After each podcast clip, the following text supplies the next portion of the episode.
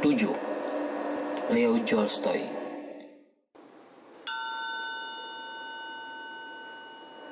Kira-kira pada waktu yang bersamaan, para aktor yang tergabung dalam lingkaran amatir mengadakan beberapa pementasan di Tula. Latihan-latihan dan semua persiapan lainnya dilakukan di rumah yang sangat menyenangkan milik Nikolai Vasilievich Devensdov, seorang teman dekat Tolstoy. Devdov adalah seorang ahli hukum dan pengarang, penulis memori Out of the Past, Seluruh rumah disesuaikan dengan kebutuhan pekerjaan tersebut. Di antara latihan-latihan diselingi dengan makan malam yang meriah.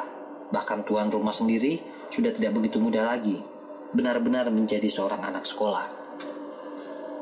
Di salah satu makan malam di puncak kegembiraan pekerjaan kami, kami melihat seorang lelaki dalam pakaian seorang petani memasuki ruangan. Beberapa saat kemudian ia menuju ke ruang makan.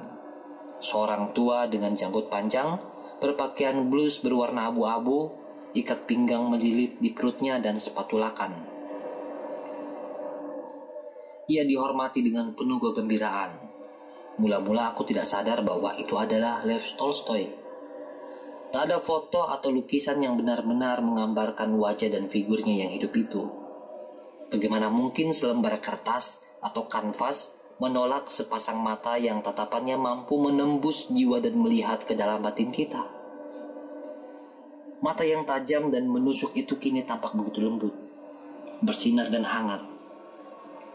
Bila ia memandang seorang, ia menjadi diam, tak bergerak, dan tampak seperti berkonsentrasi.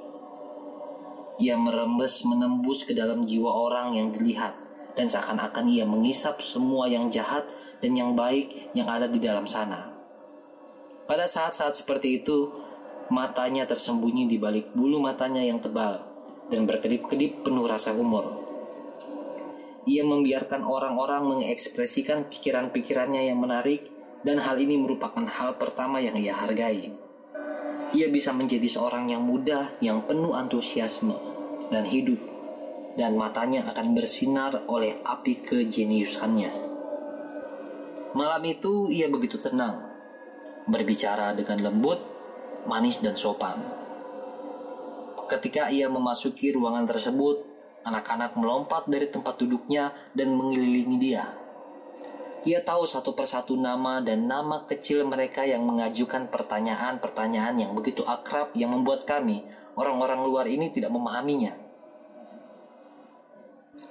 Kami diperkenalkan padanya satu demi satu dan ia bersalaman sambil melihat kami dengan tajam. Aku seakan-akan ditatap oleh sebutir peluru. Pertemuan yang tak disangka-sangka dengan Tolstoy itu seperti petir di siang bolong bagiku. Kenyataannya, aku begitu terkejut sampai aku lupa di mana aku berada atau apa yang kulakukan. Untuk memahami perasaanku itu, kita harus tahu seberapa besar dia Leo Tolstoy itu berarti bagi kami. Selama masa hidup kami, kami sering mengatakan, kami bahagia bisa hidup sezaman dengan dia. Dan bila kami merasa dalam kesukaran dan orang-orang menjadi jijik, kami mendapatkan penghibur dalam pemikiran bahwa ada orang yang bernama Lev Tolstoy di Yasya Napoleana dan semua hal kembali menjadi terang. Lev Nikolayevki Tolstoy duduk di depanku. Aku tentulah tampak sangat lucu dan asing, karena sekali-sekali ia memandang dengan penuh ingin tahu padaku. Tiba-tiba ia agak membungkuk padaku dan bertanya sesuatu. Aku tidak bisa berkonsentrasi untuk memahami apa yang ditanyakan. Terdengar ledakan tawa dan aku makin menjadi malu. Apa yang ingin ku ketahui oleh Tolstoy adalah lakon apa yang akan kami pentaskan di Tula dan aku betul-betul tak ingin judul lakon tersebut. Beberapa orang teman membantu aku. Penulis besar itu tidak tahu lakon yang ditulis oleh Ostrovsky yang berjudul The Last Team, dan tanpa malu-malu ia mengakuinya.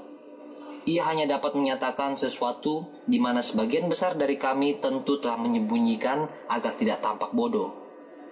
Ia mempunyai hak untuk melupakan tentang setiap makhluk sederhana yang memang atau sesungguhnya wajib untuk diketahui. Itu tentang apa? Ia bertanya. Seisi ruang itu tiba-tiba menunggu ceritaku. Tetapi seperti seorang anak sekolah yang tenggelam dalam ujian, aku tak dapat mendesak diriku untuk mulai. Semua usahaku ternyata sia-sia dan cuma membuat orang lain tertawa terbahak-bahak.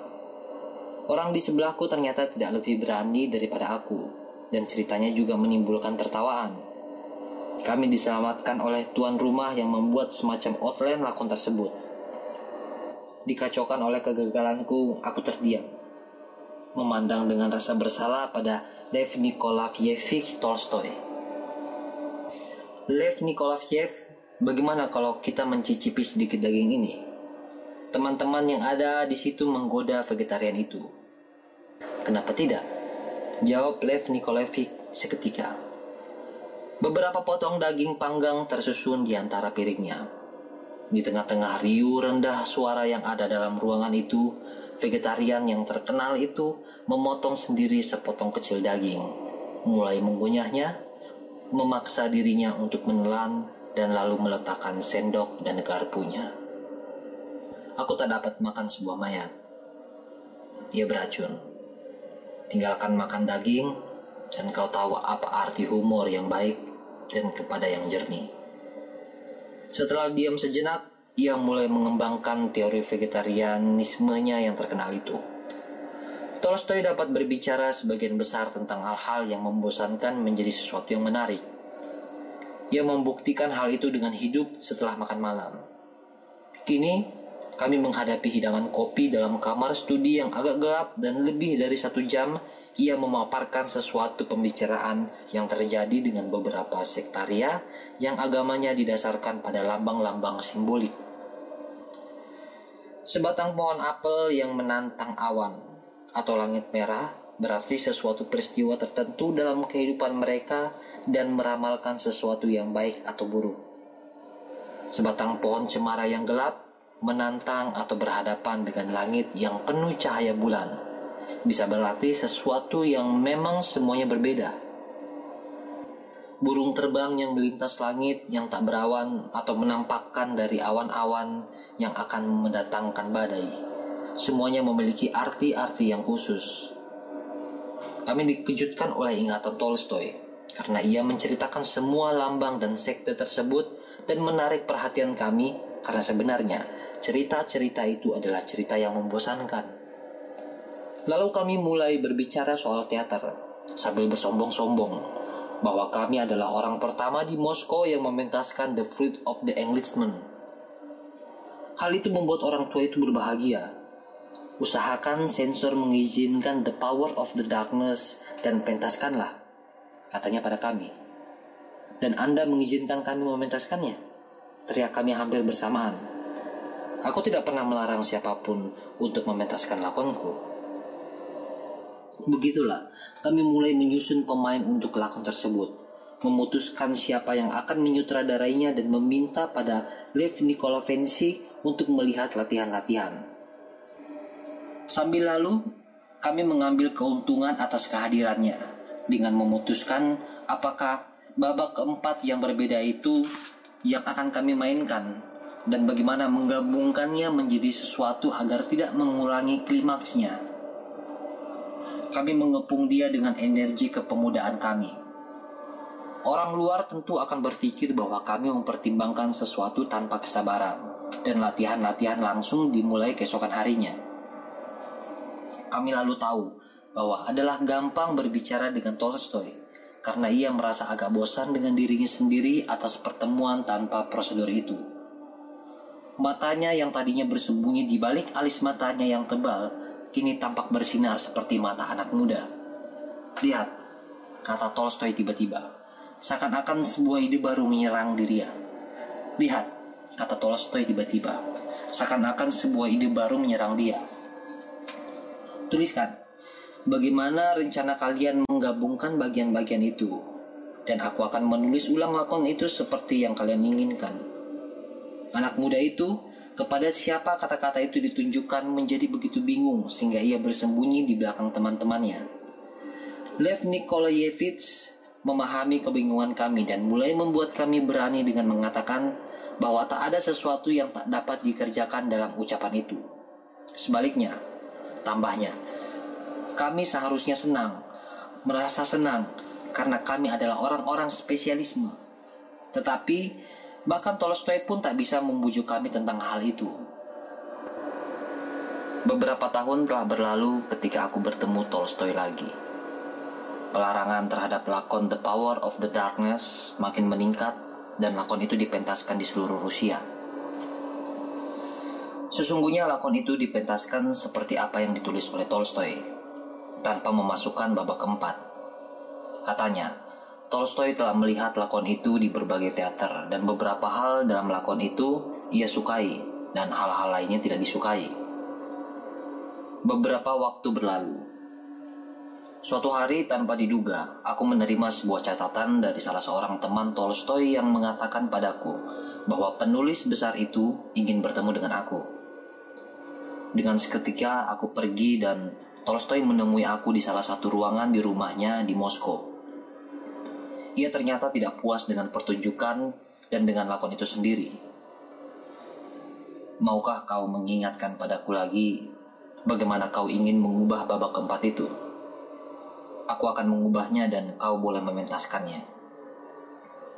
Tolstoy mengucapkan kata-kata itu dengan begitu lugas, menyebabkan aku gampang menjelaskan rencanaku.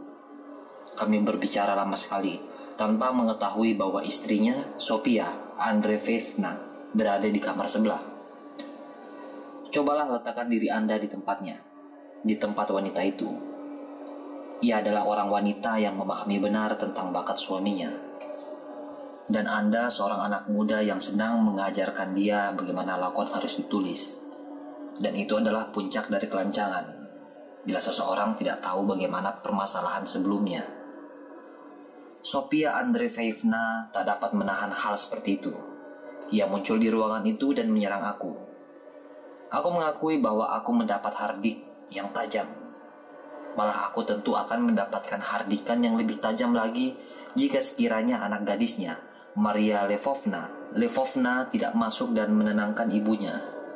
Dan sementara peristiwa itu terjadi, Lev Nikolayevich duduk dengan tenang sambil mengusap-usap jantungnya. Ia tidak mengucapkan sepatah kata pun untuk membela aku. Ketika istrinya sudah meninggalkan kami, dan aku tetap berdiri dengan perasaan yang benar-benar tidak enak. Ia tersenyum dengan ramah sekali dan berkata, "Jangan hiraukan dia. Dia sangat gugup dalam suasana yang tidak nyaman." Sekarang sampai di mana kita tadi? Aku ingat kesempatan lain bertemu dengan Tolstoy di salah satu jalan kecil dekat rumahnya. Pertemuan itu terjadi pada hari-hari ketika dia sedang menulis diatrib yang terkenal itu. Tulisan yang berisi kecaman-kecaman yang tajam menentang perang dan militer. Saat itu aku bersama seorang teman yang tahu benar tentang Tolstoy. Aku berjalan dengan sopan di belakangnya sambil mendengar dengan penuh perhatian terhadap apa yang dikatakan. Ia berbicara tentang apa yang telah ditulis dalam artikelnya. Dengan temperamen yang tak biasa dan dengan bersemangat ia meninggikan suaranya menentang pembunuhan-pembunuhan yang telah disahkan. Ia menyerang kaum militer dan kebiasaan-kebiasaan mereka, dan yang lain-lainnya dengan penuh keyakinan, karena semasa hidupnya ia telah maju ke medan perang lebih dari satu kali. Tuduhannya bukan cuma didasarkan pada teori, tetapi pada pengalamannya sendiri.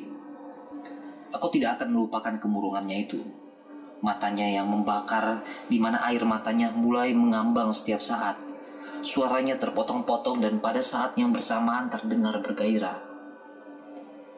Tiba-tiba dari salah satu sudut muncul dua orang satpam dengan mantel panjang, helm yang berkilauan dengan pedang-pedang yang berdenting. Tampan, muda, resmi, dengan wajah berani dan sikap yang baik, mereka tampak baik sekali. Tolstoy berhenti di tengah-tengah sebuah kalimat yang diucapkan. Mulutnya setengah terbuka, tangan-tangannya terhenti di tengah-tengah gestur. Wajahnya seperti menyala. Ah, keluhannya seakan-akan bisa didengar dari ujung lain gang itu. Bagus, teman-teman yang baik. Dan dengan antusiasme besar ia mulai menjelaskan arti dari sikap kemiliteran. Pada saat itu orang dengan gampang dapat mengenal seorang opsir tua dan berpengalaman dalam dirinya. Waktu pun berlalu. Suatu hari, aku mendapat surat yang belum dibuka di atas meja tulisku. Dari Tolstoy.